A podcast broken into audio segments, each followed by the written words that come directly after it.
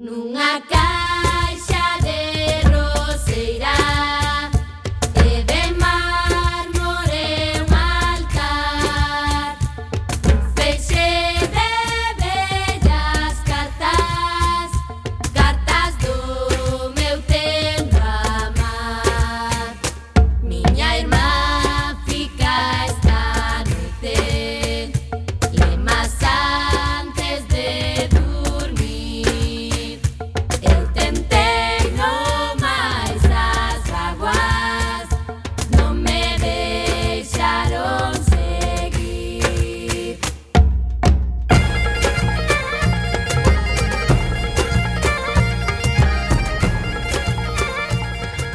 Moi boa tarde, xentiña recendeira. Aquí nos atopamos despedindo o inverno, recendeiros e recendeiras. Tedes a nosa benvida a este espazo radiofónico semanal dedicado á cultura que facemos todos os martes en rigoroso directo a 7 da tarde aquí en Cuac FM, a emisora comunitaria da Coruña. despertar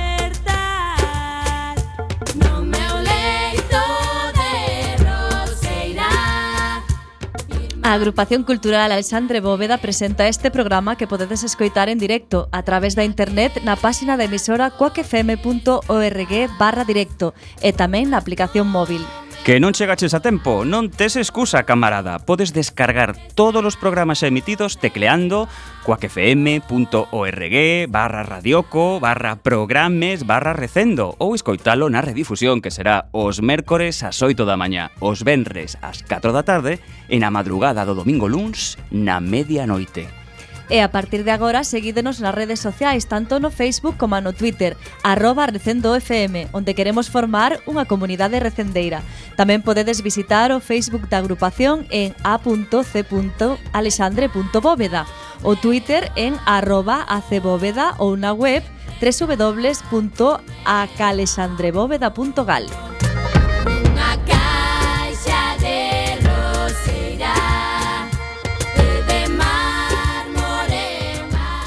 A nosa é unha fantástica aventura cultural.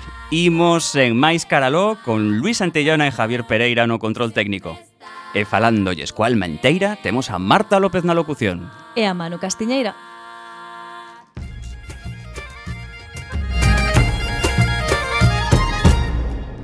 Hoxe, programa número 283. Contaremos como convidado con Miguel Anxo Prado, a figura máis importante da banda deseñada ou do cómic galego e unha grande estrela a nivel internacional.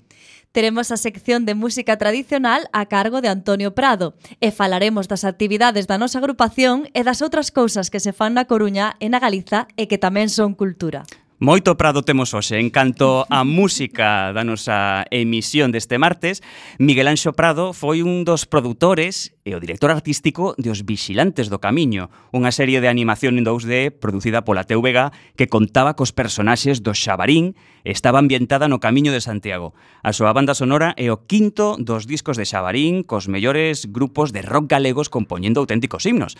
Imos presentar xa a primeira peza de hoxe que leva por título Telexornal e que está interpretada por Xabarín e a Xababanda. Banda.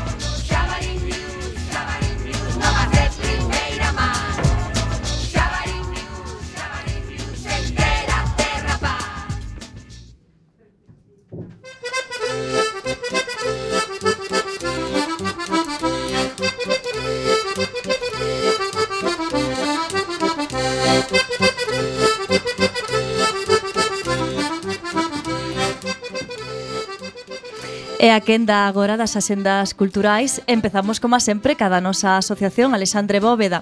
O martes 20, con motivo de celebrar o 20 aniversario da creación do grupo de teatro da Asociación Cultural Alexandre Bóveda, este representará a obra Exilio de Castelao, Dieste e Seoane, con adaptación e dirección de Lino Braxe. Será ás 20:30 horas no Ágora. A entrada será de balde ata completar a foro.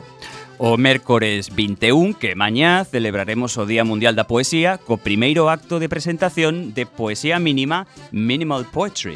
50 fotopoemas de Elena Villar Janeiro. Nesta edición trilingüe, galego, castelán e inglés, a cargo de Alvarellos, contaremos coa presenza da autora, de María Xosé Bravo e de Enrique Alvarellos. Será a xoito no noso Salón de Actos. O xoves 22, Lucía Veciño Souto, graduada en Historia na especialidade de Historia de Xénero Contemporánea e autora dun suplemento a fondo de Sermos Galicia sobre este tema, falaranos sobre as labregas nos conflictos da primeira metade do século XX. Coñeceremos máis a fondo os conflictos sucedidos en Nebra, Guillarei, Sofán, Oseira, Barallobre e o Sabiñao. Será ás 20 horas no noso Salón de Actos.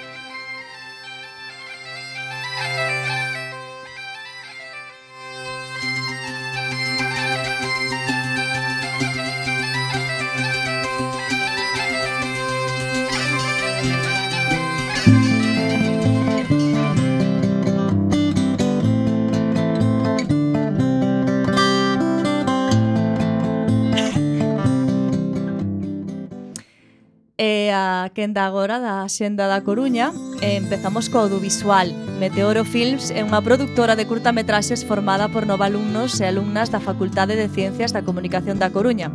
A Cuarta Parede é a primeira obra do grupo e proxectarase en No Importa, o sábado 24 ás 19 horas con entrada libre. Madrugada Divina é un programa que cada semana sofre da falta de audiencia. A punto de cancelar o programa, todo cambia cando Celso, o adiviño, recibe unha carta sen remitente no seu camerino. Mm, vaya. Esta semana pode verse unha mítica película galega dos anos 90 e divertidísima. É a Matanza caníbal dos garrulos lisérxicos, dirixida polo malogrado Antonio Blanco e Ricardo Iobo no ano 1993. A presentación e o coloquio correrá a cargo de Antón Reixa e Julián Hernández. Será este sábado, día 24, a 6 no Cegai.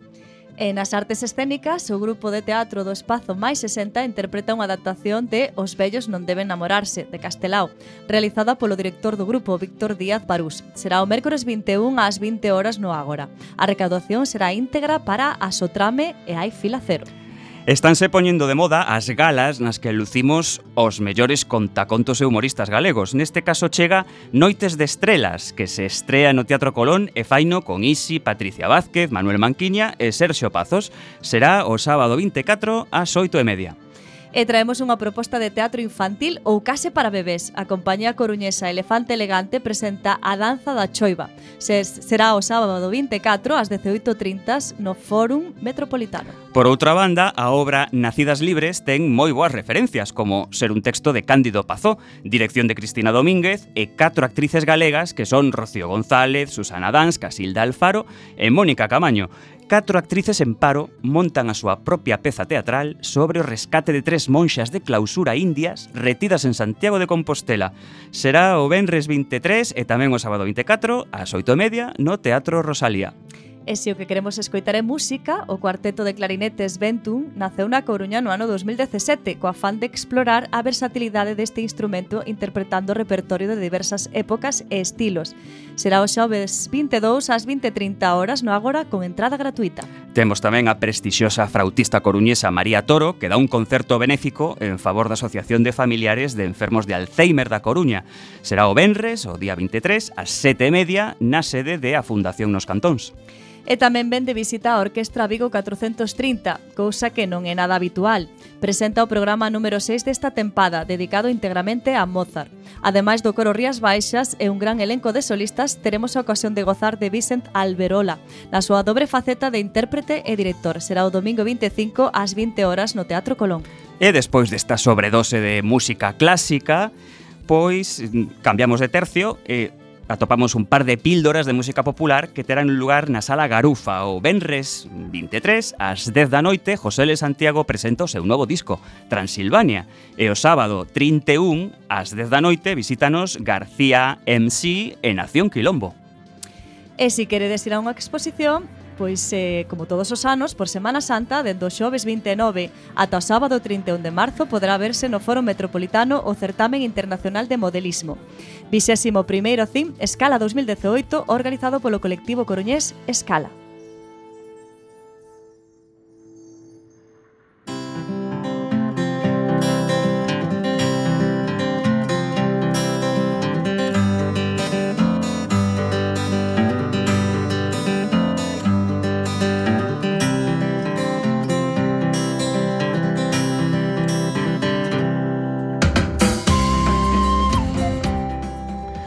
Ben, como somos bastante insaciables, pois temos ganas de máis. Así é que rematamos o tempo dedicado ás nosas axendas coa de Galicia. Percorremos todas as provincias e comezamos, como é habitual, con Lugo. Un dos concertos do ano na vila é o de, de novo, José L. Santiago, que anda por estas terras. Compositor, guitarrista, membro do grupo rock Los Enemigos, e que vai vir a Clavi para presentar ese seu quinto álbum de estudio Transilvania producido por Raúl Refri, dentro da súa xira que está levando a cabo. Vai ser pasado maña xoves en horario nocturno ás 10 na Sala Clavicémbalo na Piadora Rúa dos Paxariños número 23. E baixamos a Ourense. O Júpiter Miple centrase nos xogos de mesa coa intención de xuntarse unha tarde o mes para divertirse cos taboleiros. A segunda xornada celebrase este domingo 25 adicada a xogos de habilidade. Serán necesarios bo pulso, concentración e moita maña para gañar nestes intrépidos xogos. A partir das 5 en Júpiter Twitter Ourense na Rúa Manuel Pereira 20. Imos hacia a costa, chegamos a Pontevedra e ali o grupo Maravallada e o Concello promoven os cantos de taberna. É unha cita consolidada cos cantos tradicionais de bares.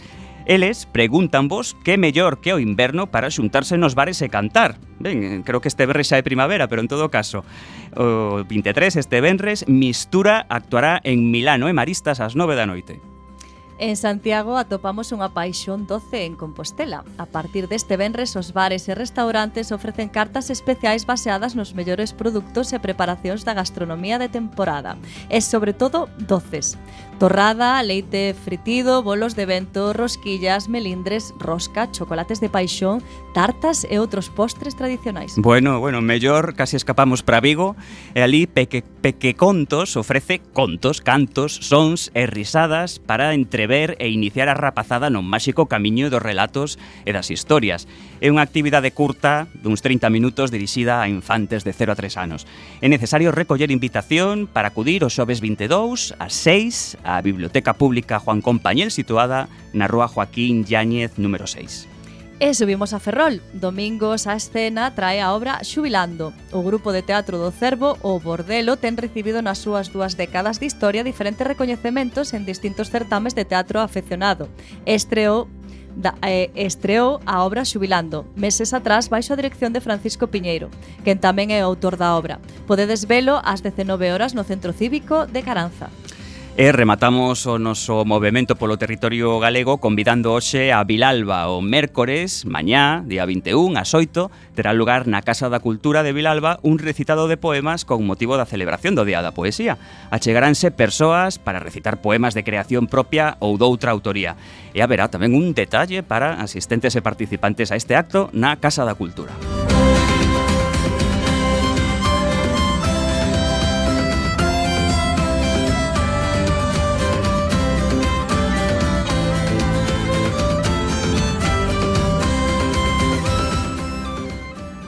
Hoxe en Recendo temos a gran sorte de contar cun convidado que xa fai tempo que teñamos moitas ganas de entrevistar. Ele é un dos grandes representantes do cómic europeo e a figura máis enlleira da banda deseñada galega. Con estes datos, moitos podedes imaginar que estamos a falar de Miguel Anxo Prado. O autor coruñés comezaba a súa carreira a finais dos 70 cando decide deixar os estudos de arquitectura para dedicarse ao cómic. Os seus primeiros traballos aparecen en revistas tan emblemáticas como Cimoc, Zona 84, Cairo ou Cómic Comics internacional. O seu primeiro álbum en solitario aparece no ano 85, cando aparece Fragmentos da Enciclopedia Délfica, que viría seguido de Estratos, dúas obras publicadas con anterioridade en diferentes revistas. Despois de diferentes traballos chegaría a súa consagración con Manuel Montano e Trazo de Xiz, pois ambas sacadan o galardón Alfa Art do Salón Angole, Angouleme. Perdón. Miguel Anxo votaría máis dun lustro afastado do cómic para completar De Profundis, da que seguro que oístes falar. Esta é unha película de animación na que o océano, unha das constantes na obra deste autor que nos acompaña hoxe, é o principal protagonista da historia. O autor decide afastarse da animación tradicional para recuperar todas as posibilidades expresivas da linguaxe da imaxe, aínda que iso supoña perder espectacularidade no movimento. De Profundis estrease no 2006 e conta cunha gran banda sonora da man de Nani García. A seguinte gran obra de Miguel Anxo Prado é Ardalén, pola que consigue o Premio Nacional de Cómic. Ardalén é unha caste de estudo sobre a memoria, sobre como nos axuda a configurar o noso ser, a pesar de, do seu carácter fragmentario e variable. A Ardalén mm, seguelles presas fáciles, polo de agora último título publicado por Miguel Anxo. Nesta historia, influída polo cine negro, atopamos unha crítica salvaxe da corrupción e dos males da crise económica e de quen a provocou e se aproveitou dela. A obra de Miguel Anxo Prado caracterízase por un debuxo áxil e solto, así como por un emprego da cor máis próximo á pintura que ao cómic tradicional, Falar de Miguel Anxo Prado non é falar só dun debuxante e guionista, é falar dun artista humanista preocupado pola naturaleza do ser humano, as súas relacións e a incomunicación que semella imperar na sociedade actual. Pero para contarnos máis sobre a súa obra, temos hoxe connosco a Miguel Anxo Prado. Boa tarde, Miguel Anxo. Que tal? Moi boa tarde. bueno, vamos ca primeira pregunta. Para comenzar, imos falar de presas fáciles. Como chega a historia que contas en presas fáciles? Contanos. Pois eh, a través de colegas vosos, a través da radio, mm, lembro perfectamente o, o instante. Eu tiña, dende había tempo, uh, un par de un par de temas que, que nunca tocaran nos meus libros, eh, en realidade xéneros, un era aventura e outro era eh, xusto eso, o, o xénero negro, o policíaco. Eh, E simplemente pois estaban aí dormidos agardando pois bueno, unha historia que que encaixase en, en, en ese tipo de temática. E aquela mañá, pois supoño que entre sete, sete e media, que é a hora na que habitualmente pois nos, nos erguemos a miña muller e máis eu, pois estaba na, na cociña, estábamos preparando o, o almorzo e coa radio posta e escoitei a, a nova de que unha parella de, de anciás viñan de, de suicidarse porque ao día seguinte eh, executaban un desafiuzamento eh, botábanos do, do seu piso o que tiñan en, en propiedade e, e bueno, pouco máis en aquel momento entre as torradas, os cafés e estas cousas e, e quedei coa sensación de, de, de que non podía ter escoitado ben que, que aí tiña que haber algún algún erro e, pero bueno, según cheguei ao estudio xa procurei máis información no, en internet e xa vin que sí, que efectivamente que, que era correcto, era unha, unha parella nas Baleares creo recordar, en Palma de Mallorca, eh, era unha, unha cadea, é dicir, ao final o caso era o, o paradigma de, de daquela situación.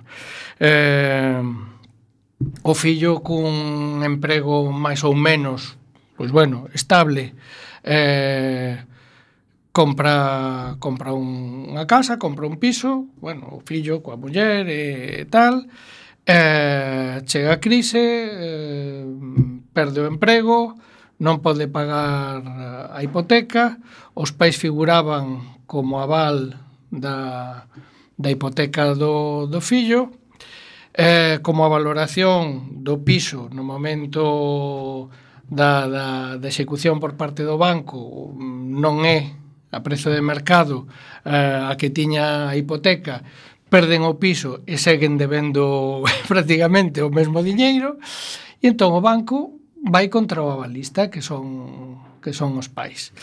Eh, os pais eh, ante eso pretenden botar man dos aforros e cando van mirar o, o diñeiro que tiñan aforrado para poder axudar os fillos eh, descubren que, que aquel diñeiro foi colocado en preferentes nunha movida tal. E entón, bueno, pois foi, como se soe dicir, branco en botella, non? É dicir, mm, teño aí un, unha, unha historia que, que preciso contar.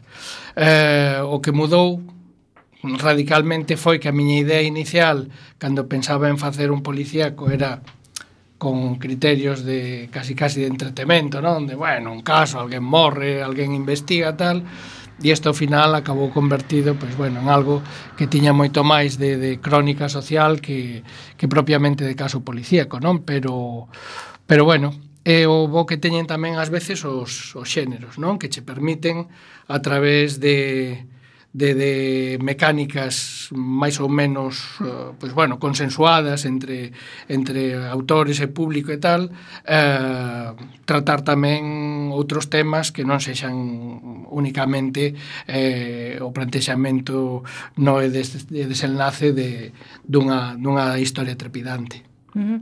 Eh, o álbum é do 2016, non? E sigues pensando que os cidadáns poden levantarse ou plantarte cara ao Estado? Bueno, o estamos vendo, xusto eh, estes últimos días, non? Con, cos nosos xubilados en, en, pé, de, en pé de guerra.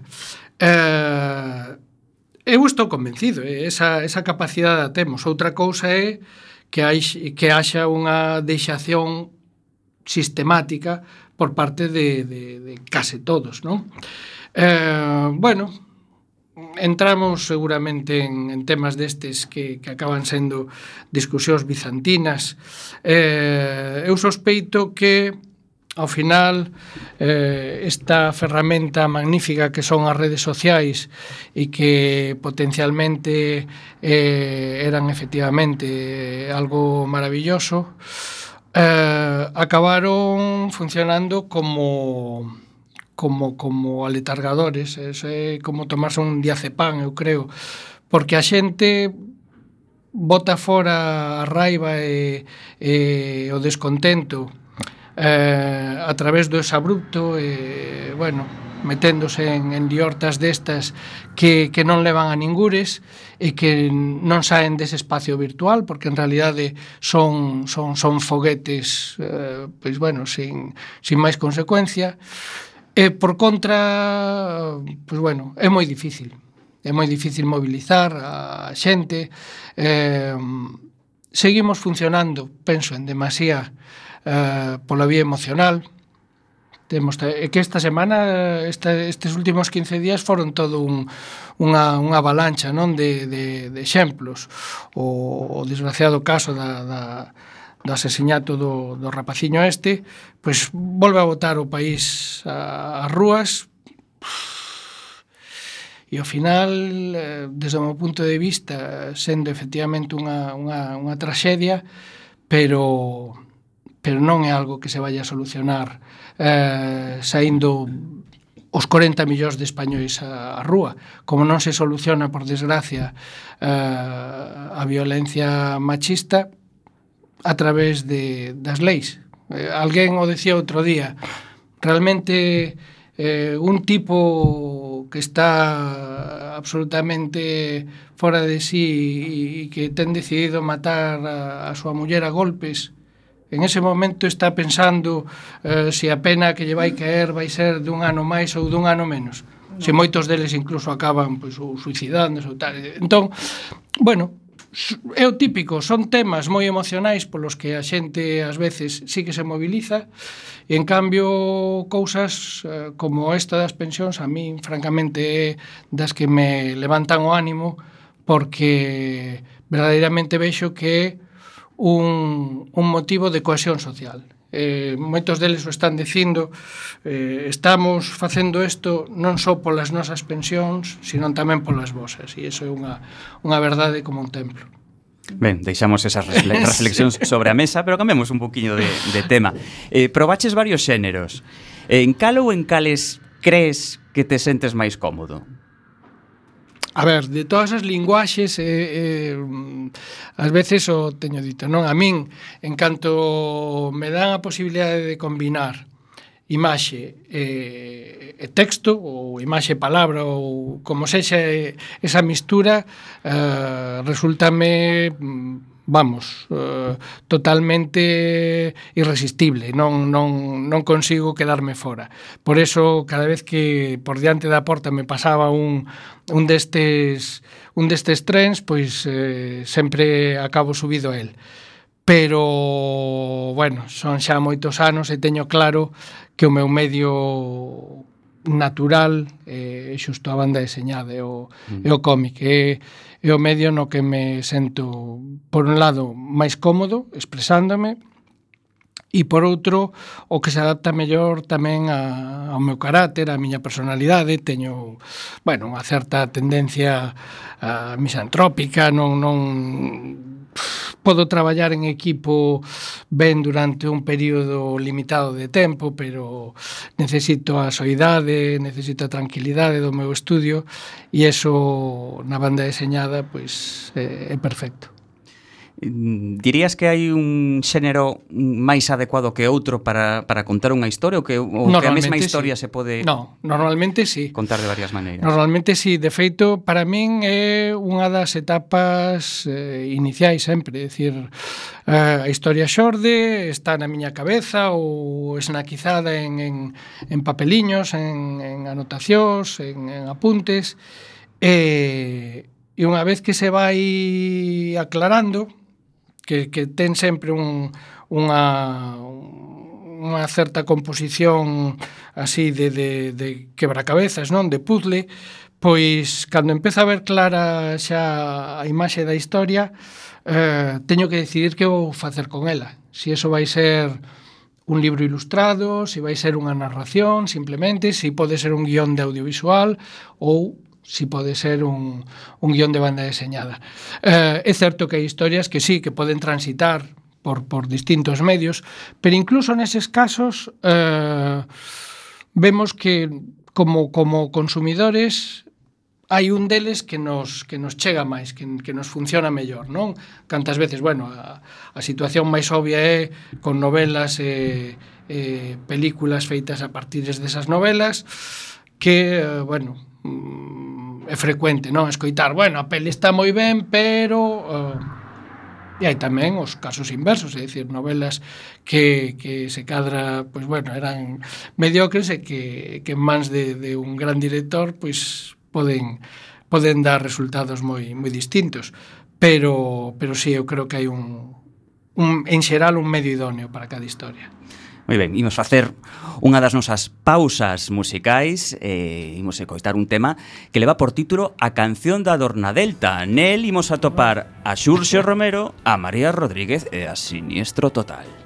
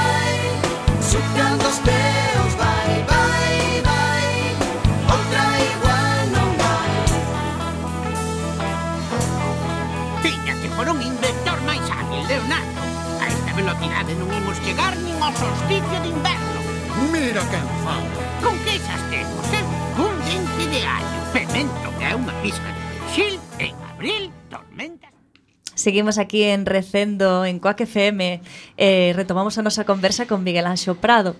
Eh, temos lido que non faz moitos boxetos nin preparación para cada novo álbum. Entón, como atopas ou chegas a cada nova historia que queres contar? Bueno, antes xa nos deches sí, algún apunte. Um, a, as historias, en realidade, son, son sempre, bueno, iba a decir, un, un cocido destes lentos, non, nin siquiera nin siquiera iso. Funciona máis a miña cabeza por, por o sistema de, de, das quebras, non? Que van quedando aí na, nas beiras, que, que a min dame moita envexa cando cando escoito, ou sobre todo, bueno, eso eh, foi o cine o que, o que máis nos trasladou esa idea da, da idea xenial, non? E da iluminación na, na ducha, a min non me, non me pasou xamais, xamais se me ocorreu así unha, unha idea feliz de, de xeito súbito. E eu sempre digo que é o proceso da pelusa. A pelusa, unha pelusa destas que atopamos por calquera sitio, houve unha, unha universidade destas, pois, ou americanas, ou non sei de onde, que, que un grupo estivo facendo un estudio serio, científico, para, para chegar a determinar a, a orixe das, das pelusas domésticas que non é coña, aseguro vos que non, non estou facendo aquí un monólogo de humor. E, e chegaron á conclusión, que bueno, non deixa de ser interesante, algún día eh, saberemos que isto foi fundamental para desenvolver algún, alguna nova técnica para chegar a Marte, pero inicialmente eh, parece unha cousa así moi modesta que no centro de toda a pelusa hai e nunca mellor dito, un pelo. Entón, arredor do pelo se vai xuntando máis cousas, outros pelos, tal, non sei que, e acaban conformando eh, ese conxunto. Bueno, pois a miña cabeza funciona por pelusas. entón, entra un pelo que pode ser algo que conversemos agora, algo que, que lín no xornal, ou que escoitei e tal. Ese pelo se llevan pegando cousas como nas pelusas, sin que te decates, están aí detrás da porta, detrás da orella, non sei onde, truru. Entón, de repente, un día, a pelusa é xa tan gorda que a ves, e dixo, os, coño, que hai aquí unha pelusa, non? Entón, saco a pelusa e hai un, un, un, un embrión de, de historia. Eh, esa é a parte, to, toda a parte de construcción de historia, decir, de escritura, eh, desa de decisión, de, de cal vai ser a linguaxe que empregue para, para transmitila, eh, incluso unha vez decidido, pois bueno, a construción da, da, da propia narración, non? E, e de como se vai estructurar todo eso, é o, o que me leva o 80% das enerxías, eu diría. E durante todo ese tempo non debuxo. Si que debuxo, pero digo, non debuxo nada de, de, de historia. Porque a miña relación co debuxo e coa pintura é totalmente a oposta desto. É dicir, para min o debuxo e a pintura foi desde que eh, teño uso da razón algo totalmente natural, fluido, que, que, que incluso mm, para min non era unha asignatura no cole, era como como se si tivera horas de recreo, non? E, e, e formaba parte da maioría do tempo do, do meu tempo de xogo e, e por tanto eh, non sufro nunca sofro. Debuxando e pintando non, non, non, non teño para nada esa sensación. Entón descubrí moi rápido que si comezaba a debuxar cando empezaba a desenvolver a historia, o debuxo acababa contaminando contaminando a historia. Pero claro, si, e iso nos pasa a todos, eh, si ti debuxas, estás facendo bosquexos, e oh, debuxas un cabalo saltado, oh, que ben queda. Bueno, pois pues, vas facer todo o posible para que en historia, inda que non houbera para nada a idea de, de que aparecesen cabalos, pois a ver como meto un cabalo para facer unha viñeta con este debuxo. Home, é un pouco caricatura, pero, pero sí que funciona así. Entón, é o xeito que teño de, de, de evitar esa contaminación e, por tanto, non fago eses bosquexos nin nada deso. Cando teño rematada a historia, como imagínate, durante todos eses meses que fun escribindo eh, si que se foron conformando xa na miña cabeza tamén pois imaxes, eh, eh, situacións, eh, eh, escenarios e os propios personaxes van collendo xa eh, carnalidade e entón é eh, cando empezo a, a ese proceso xa gráfico de, de, de, de búsqueda, non? De, de debuxe de, de cor. E é eh, tamén, bueno, bastante súbito, é dicir, é lento ao principio, é como poñer auga a ferver, non?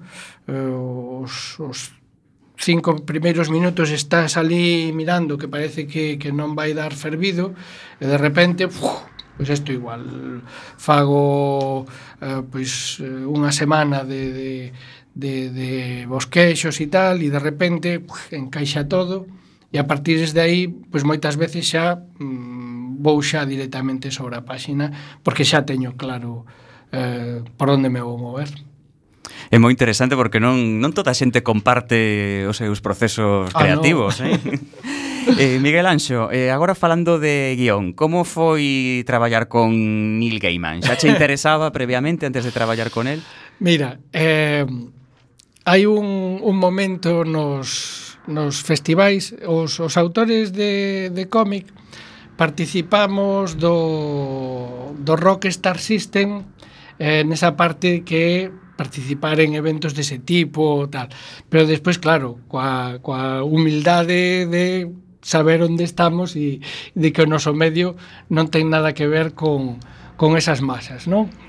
Pero eh, todos os festivais son moi parecidos, sexan de, de, de literatura, sexan de música, sexan de, de banda deseñada, que pasas todo o día, no noso caso, pois bueno, facendo sesións de firmas, facendo entrevistas, tal o tumba, e o xantar soe ser pois unha cousa apresurada eh, cun editor, cun crítico, pa, pa, pa, e entón o momento de descompresión chega a noite na, na cea.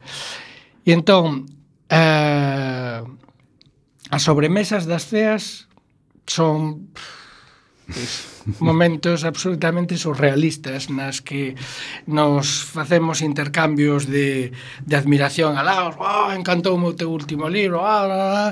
entón facemos planes que todos sabemos que non se van cumplir nunca ai, algún día temos que traballar xuntos. Sí, sí, claro que sí, tal. Bueno. E despois cada quen volve para a súa casa, sigue facendo os seus traballos. As boas intencións de claro. todas formas están aí. Ben, pois Gaiman notase que é británico, é un tipo moito máis meticuloso e que colle as cousas eh, en serio. E, bueno, pois, tempo despois, anos despois, eu creo, daquela, unha daquelas conversas que, que non sei se foi en Angulén ou en Barcelona ou donde, pois me chega un correo electrónico Miguel, mm, acordaste daquela conversa que tivéramos? Teño unha historia que, que eu creo que podería ser a, a que fixéramos xuntos. E, e así foi. Pois nada, mandou unha historia, eh, era unha historia pois mm, abarcable, porque eu naquel momento tampouco me podía eh, meter nun, nun proxecto moi longo, foi unha historia de, de 20 páxinas, e... Eh, En ese sentido, ademais, Gaiman é un, un, un todoterreno, é un, un profesional eh, como a copa dun piñeiro, non? É dicir, é un tipo que cando fai guión para televisión sabe que está facendo guión para televisión, cando está escribindo American Gods sabe que está escribindo un bestseller, cando está escribindo un guión de Sandman sabe que é un guión de Sandman que se vai publicar Urbi e Torbe, E ademais sabe que non temos nada que ver, pois eh, que sei eu, eh, eso, Alan Moore, con, con Dave McKean, con Milo Manara ou, ou eu mesmo. Entón, polo menos comigo, mm, foi desde o primeiro momento super eh, cómplice, me preguntou como quería o guión, que tipo de guión quería, se o quería con indicacións, sin indicacións, tal, mandou o guión, e así foi, 20 páxinas e, e, e saiu, saiu publicado, que por certo nos deron o, o premio a mellor antoloxía no, nos premios Eisner do, do Salón de San Diego. Sí, bueno, ti de premios sabes bastante, non? El mai. E algún outro guionista co que che gustaría especialmente colaborar?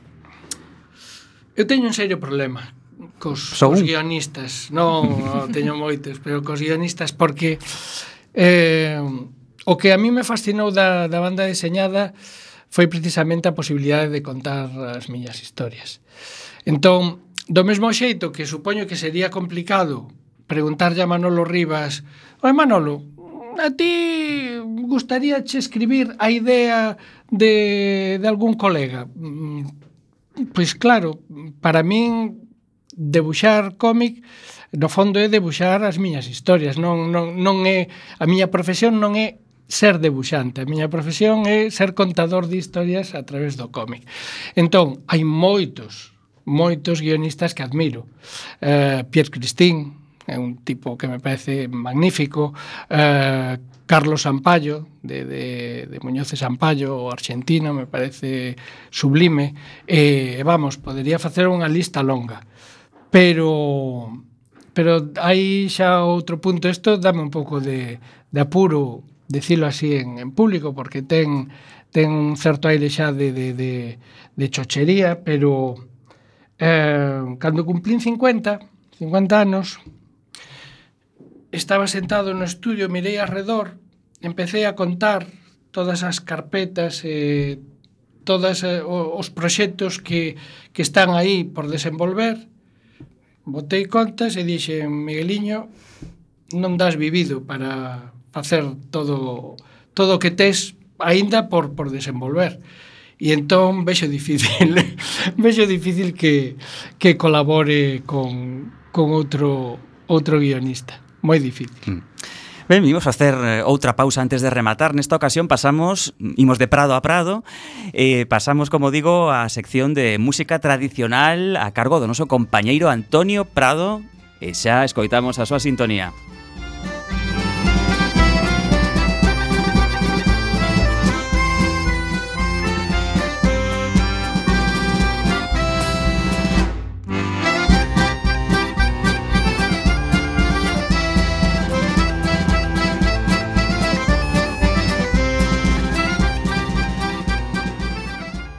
big pico, mazarico, enche dou tanto pico.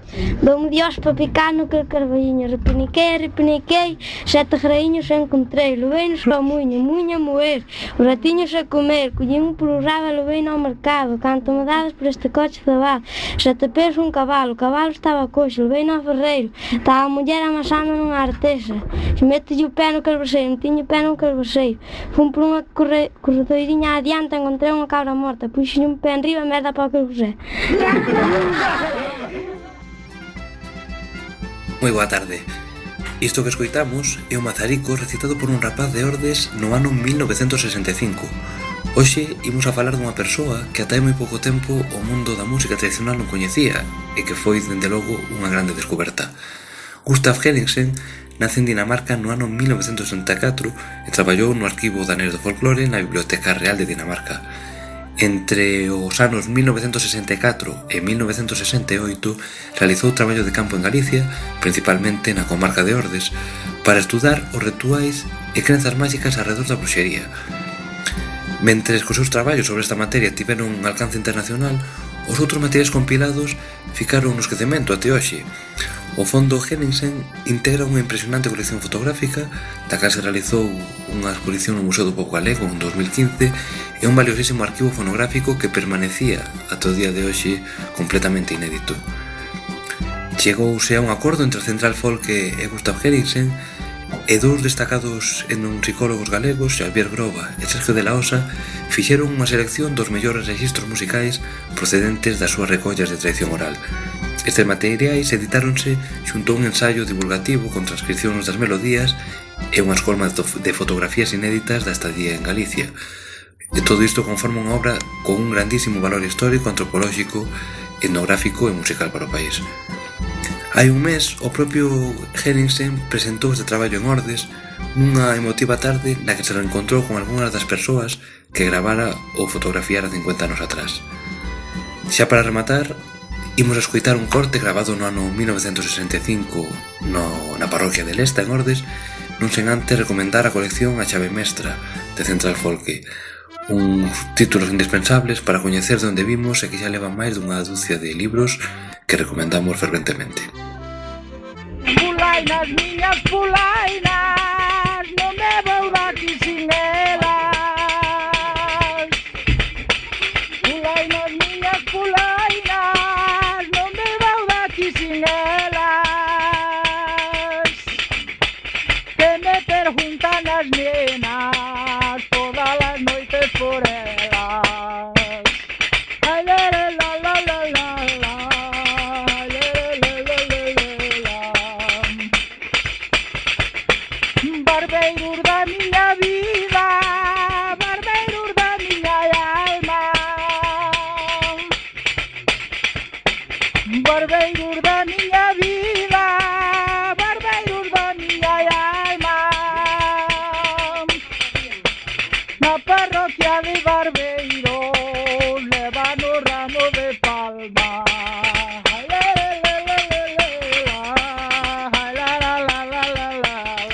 Retomamos a nosa conversa con Miguel Anxo Prado. Bueno, antes nos dixeches que cando cumpriches 50, eh, viches aí os proxectos que tiñas non en mente sí. desenrolar e que non, non che iba a dar tempo, pero aparte dos proxectos que, que están aí pendentes, hai outros nos que estiveche involucrado, o mellor é que ao final non se remataron. Sí. Eh, destos, de, de cales, cal, cal foi o mellor o que máis bagua che deu? Sí, sobre todo, pois pues mira, hai un que, que leva anos, eh, é como Guadiana, non? Aparece, volve a desaparecer, que foi precisamente a, a versión cinematográfica de Trazo de Xiz, que pasou xa por, por infinidade de mans, eh, entre elas, por exemplo, de, as de Guillermo del Toro, que, que, que ativo na época en que os dereitos os, os comprou Miramax, e E bueno, mm, a verdade é que aí a, o sentimento é un tanto contradictorio. Por un lado, mm, eh, ese ese descarrilar eh, sempre do, do proxecto eh, despois de, de un certo tempo de, de intentalo, pois produce unha, unha certa frustración e por outro lado produceme alivio Mm, xusto polo que falábamos antes, porque non estou eu seguro que o, que o cine sexa un, un, unha linguaxe axeitada para esa historia en concreto. Entón, bueno, é eh, así un tanto ambivalente. E... Eh, E despois, eh, sí, un proxecto de, de animación no que estivemos eh, nos últimos dous anos traballando E, e bueno, que finalmente mm, con este tipo de cousas eh, moitas veces o que acontece é que, que hai unha inercia inicial que se vai gastando e que entón mm, chega un momento en que produce esgotamento en todo en todo o equipo que, que está implicado, non? E se ao cabo dun certo tempo eso non, non se consigue que, que se poña en marcha o proxecto eh, é xa moi difícil eh? non, non é que exista eh, ningún impedimento claro, pero simplemente eh, pois bueno, este tipo de traballos que son moi colectivos en que todos temos que aportar eh, é complicado que podas manter eh, no calendario sistemáticamente cada certo tempo meses para dedicarlles eh, a esas cousas non? Entón, bueno, acaban acaban quedando fora Pero despois en canto a, a proxectos eh, máis persoais de, de eso, de, de, de libros e de historias, eh, non, a verdade é que que non bueno, sí, sí tenía que decirlo, sí, sí, sí, sí. A continuación da do Xabarín, mm. de, dos vixilantes.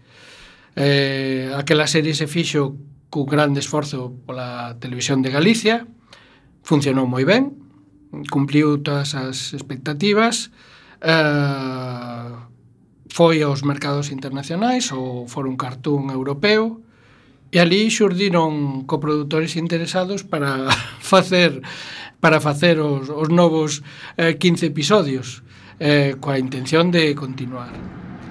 E en aquel momento, pois bueno, eh, a Televisión de Galicia teña unha estrutura moi moi institucional e lembro que a frase da dirección era mm, que a Televisión de Galicia era unha televisión institucional que mercaba pero que non vendía. Estou resumindo moito, non a postura.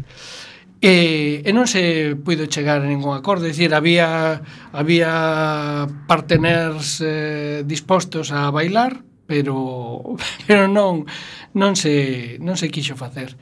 E E para min, bueno, estas cancións que, que se foron metendo eh, durante a entrevista e tal, eh, me lembraron evidentemente aqueles tempos, creo que que foron momentos especialmente luminosos na por un lado na, na televisión nosa, na televisión entendida como como medio de comunicación, non?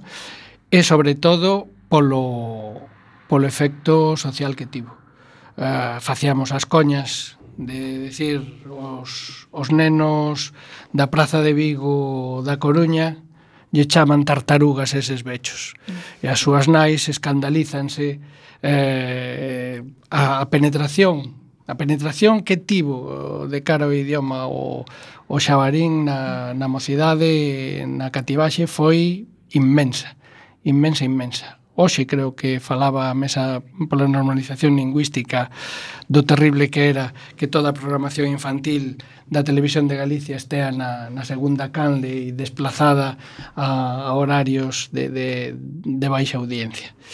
E, ese era un, sí que foi un proxecto que, que, que me frustrou moitísimo que non, que non continuase sobre todo porque non había motivo, é dicir, eh, era puxante, tiña apoio eh, popular, eh, 100.000 socios, bueno, eh, non, non había ningunha explicación lóxica.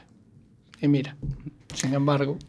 Ben, non temos xa tempo para entrar en, en moitas profundidades, pero queremos te mm, preguntar, eh, Miguel Anxo, eh, a par que falamos de debuxo do cómic, é posible educar a observación para penetrar mellor no que nos rodea? Oh, por suposto. E de que forma? Por suposto. Non, bueno, pois eh, do mesmo xeito que se pode educar o oído, que se pode educar calquera sentido, que se pode educar a mente para, para pensar. Eu uh, non son, non son pedagogo, non son non son docente e pero pero me pregunto mm, por que facemos unha aposta tan tan entusiasta por cousas que, que teñen unha data de caducidade curtísima.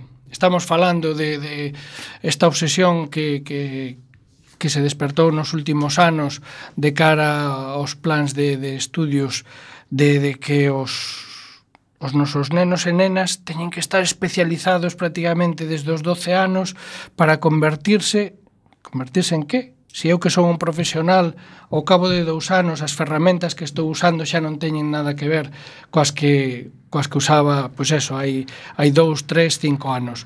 Co cal é unha, unha formación efímera E en cambio, eh, desaparece a lógica, desaparece a filosofía, desaparece a música, desaparece a educación plástica.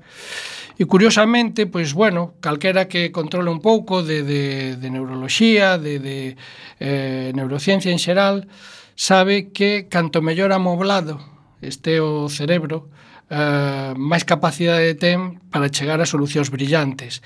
Entón, seguro que teríamos moito mellores científicos se eses científicos tiveran tamén o ollo educado para distinguir cores, este xoga eu fago en plan malvado ás veces con, cos amigos, a familia, tal, non? E digo, a ver, que cor é esta?